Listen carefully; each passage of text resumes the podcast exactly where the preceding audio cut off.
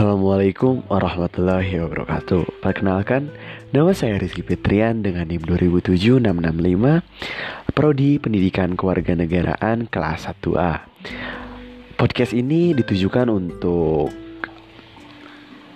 memenuhi tugas dari mata kuliah ilmu kewarganegaraan juga membahas tentang hasil diskusi dari kelompok 3. Di sini saya akan menambahkan jawaban dari Adi perihal pertanyaan dari saudari Tiffany.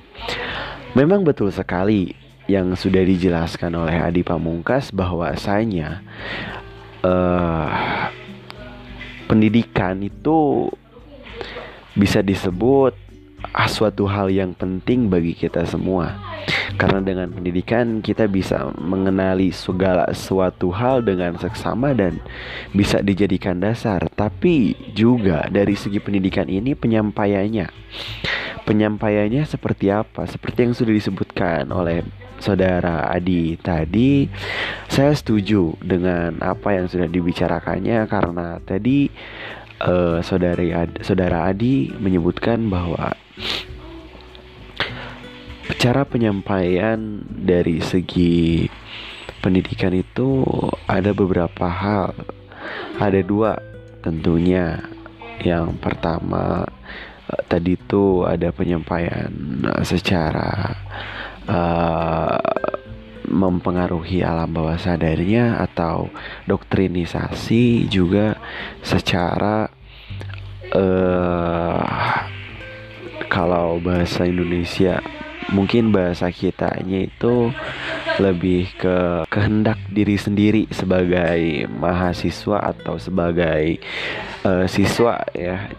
Saya setuju sekali karena memang dari pendidikan ini dari yang pertama itu ada kehendak kita sendiri ya. Jika kita tidak berkehendak untuk belajar untuk mengetahui lebih dalam segala sesuatu, ya kita tidak akan bisa mampu untuk mengenali semuanya dan jika kita tidak bisa mendoktrinisasi segala sesuatu, kita juga tidak bisa mengenal semuanya lebih jauh juga dan saya akan menambahkan di sini uh, yaitu peran peran lingkungan terhadap Eh, faktor-faktor uh, yang sudah disebutkan tadi.